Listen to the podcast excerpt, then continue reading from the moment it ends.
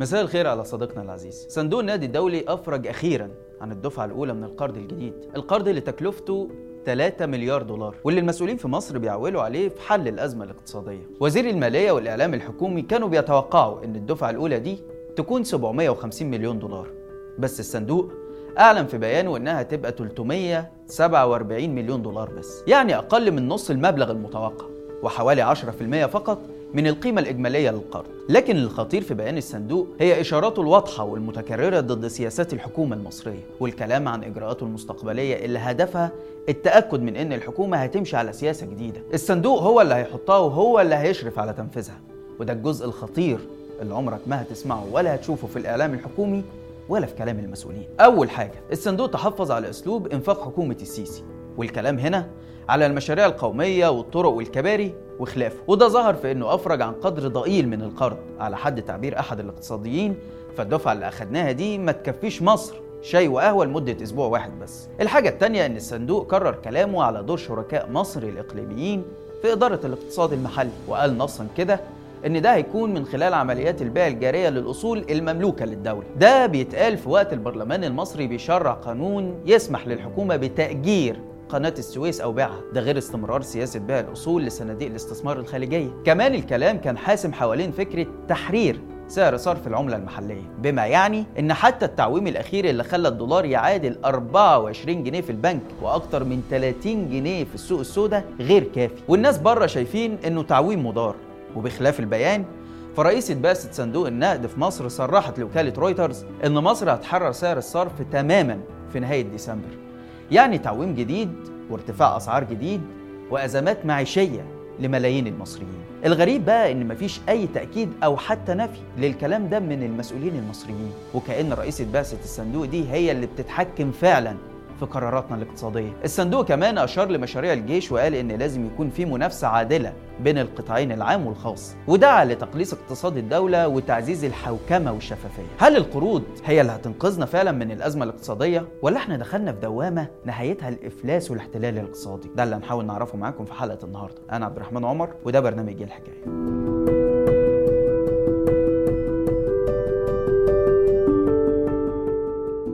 فقلت قلت لرئيس الهيئة الاقتصادية لقناة السويس معاك كام؟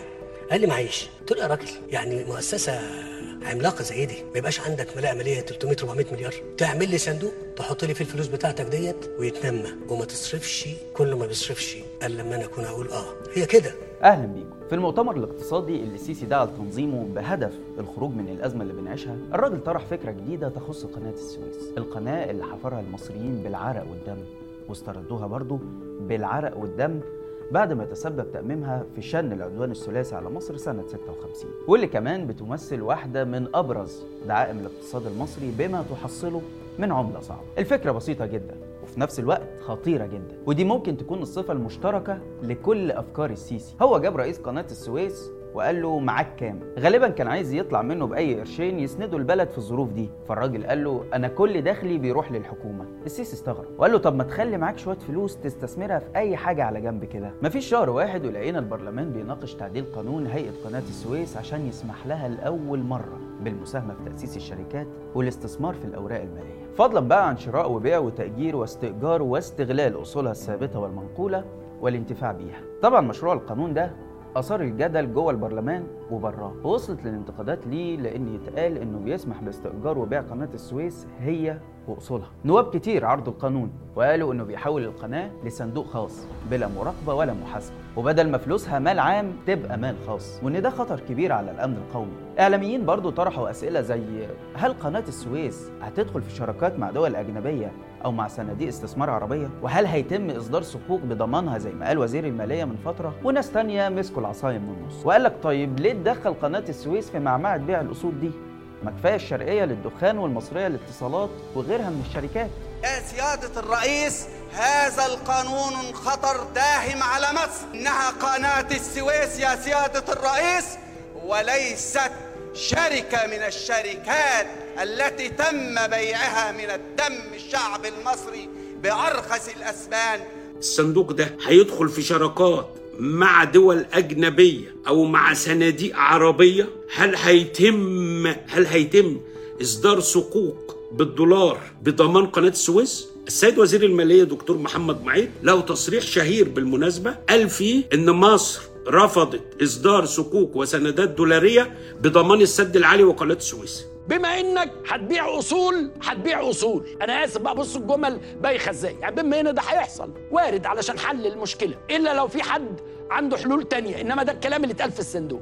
يعني ال- الحكمة بتقول إن أنا ما أقربش الحاجة مهمة قوي وما أقربش الحاجة الناس بتحبها. يعني الناس شايفة إن دي ملكية للشعب. طبعا في المقابل مؤيدي الحكومة قالوا مفيش بيع ولا حاجة يا جماعة. ده استثمار وتنمية لموارد القناة. وبعدين بصراحة كده صندوق القناة عمل خلاص وراس ماله 100 مليار جنيه. وبالفعل اتمرر القانون بأغلبية البرلمان عشان نبقى قدام أمر واقع فيما يتعلق بثروة قومية اسمها قناة السويس. وبرضه فكرة الأمر الواقع دي سمة رئيسية من سمات عهد السيسي. يعني مش بعمل الصندوق ده تمهيدا لبيع القناة القناة إيه اللي أو تأجير القناة.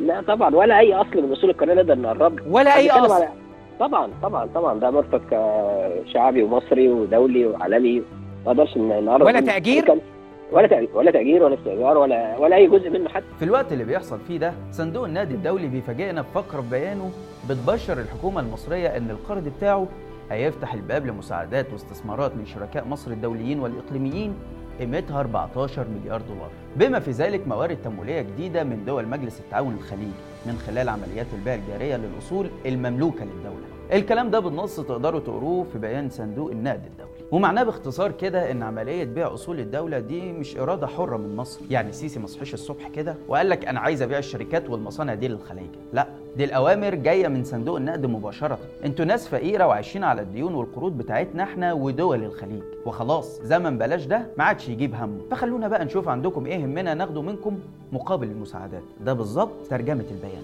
حتى الأشقاء والأصدقاء. أصبح لديهم قناعة بأن الدولة المصرية غير قادرة على الوقوف مرة أخرى. وأن الدعم والمساندة عبر سنوات شكل ثقافة الاعتماد عليها. الشركاء الإقليميين دول بقى قصة تانية خالص. لأن الكلام دلوقتي على أنهم هيكونوا شركاء في إدارة عملية الإصلاح الاقتصادي. يعني يجي يقولوا لك المبنى التاريخي ده عجبنا ما تديهولنا وندي لك قصاده قرض.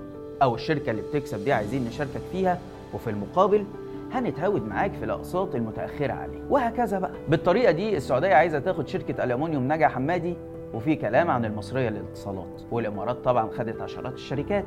وقطر هي كمان جاية من بعيد كده وعايزة تدخل المنافسة بصندوقها السيادي. عشان المشهد يكون أقرب لأن بلد كبيرة بتقع وكل اللي عينه على حاجة منها بيجري علشان ياخدها. الصندوق وشركائه الاقليميين اللي هم خلاص بقوا بيتصرفوا وكأنهم حكام مصر أو ملاكها مش عاجبهم سعر الجنيه الحالي لأنه مدعوم من الحكومة. وهم عايزين السوق يكون حر تماما.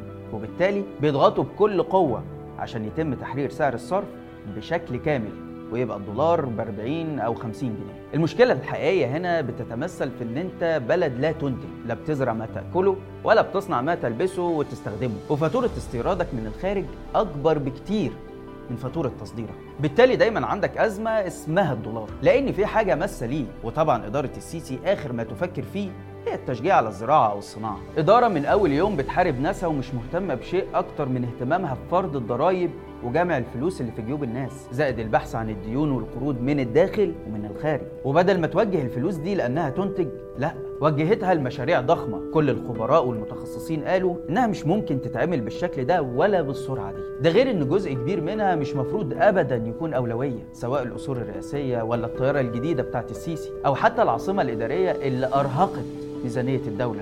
وغيرها طبعا من المشاريع غير المنتجة واللي أغلبية الشعب مش حاسس بيها ولا مستفيد منها. طيب آه، قصور رئاسية آه، أمال إيه؟ أنا عامل قصور رئاسية وهعمل. هي ليا؟ أنا بعمل دولة جديدة. حكومة السيسي بقى ما عندهاش مشكلة مع تعويم الجنيه كل شوية حتى لو ده هيزود الأسعار ويضاعف معاناة المواطن البسيط اللي يا عيني مش ملاح ولا عندها مشكلة برضه في بيع أصول البلد إنما الحاجة الوحيدة اللي بتماطل فيها مع الصندوق هي اقتصاد الجيش. الصندوق بيقول بوضوح إن القطاع العام والخاص لازم يكون بينهم منافسة عادلة وإن المنافسة دي لازم تتسم بالشفافية. وطبعا ده ملوش أي علاقة بالواقع لأن كلنا عارفين إن السيسي سمح للجيش إنه يبتلع الاقتصاد. وأي رجل أعمال بيبدي مقاومة كان مصيره السجن أو المنفى. وأبرز مثال على كده هو صفوان ثابت رجل الأعمال ومؤسس شركة جهينة اللي الجيش حط عينه عليها. فكانت النتيجة مأساوية عليه وعلى عيلته. في النهاية الصندوق وشركائه الإقليميين وارد جدا تكون نصايحهم فيها شيء من المصلحة للاقتصاد المصري. لكن الخطورة تكمن في إن طرف اجنبي يكون هو المتحكم خاصة لو عرفنا إن الطرف ده قاد دول تانية للإفلاس والانهيار الاقتصادي. لأن فكرته قايمة على إنه يرهن البلد اللي هو بيدعي مساعدتها لقروضه اللي هو وإحنا وكل الناس عارفة إن القدرة على سدادها بتكون صعبة وكلنا شفنا السيسي كل مرة يعتقد إن ده آخر قرض هياخده. قبل ما يلاقي نفسه بيواجه أزمة جديدة ومفيش قدامه أي حلول غير إنه يرجع للاقتراض مرة تانية. دايرة مفرغة بنشوف جزء من نهايتها قدام عينينا. بيع أصول البلد وتعويم الجنيه اللي نتيجته بتكون زيادة معاناة المواطن المصري. بس كده. لحد هنا والحلقة خلصت. لو الحلقة عجبتك اعمل like و share اشترك في القناة على اليوتيوب عشان يوصلك كل جديد. وما تنساش إنك تقدر تسمع البرنامج بتاعنا بودكاست من الروابط اللي هتلاقيها في التعليقات. واستنانا كل جمعة الساعة 8 بالليل بتوقيت القاهرة في حلقة جديدة من برنامج هي الحكاية؟ سلام.